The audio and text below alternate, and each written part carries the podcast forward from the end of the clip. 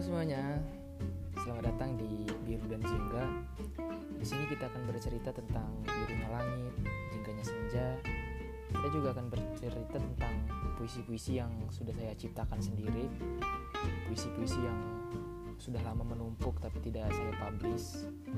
Mungkin dengan adanya podcast ini, saya bisa lebih percaya diri untuk mempublish puisi-puisi yang telah saya ciptakan.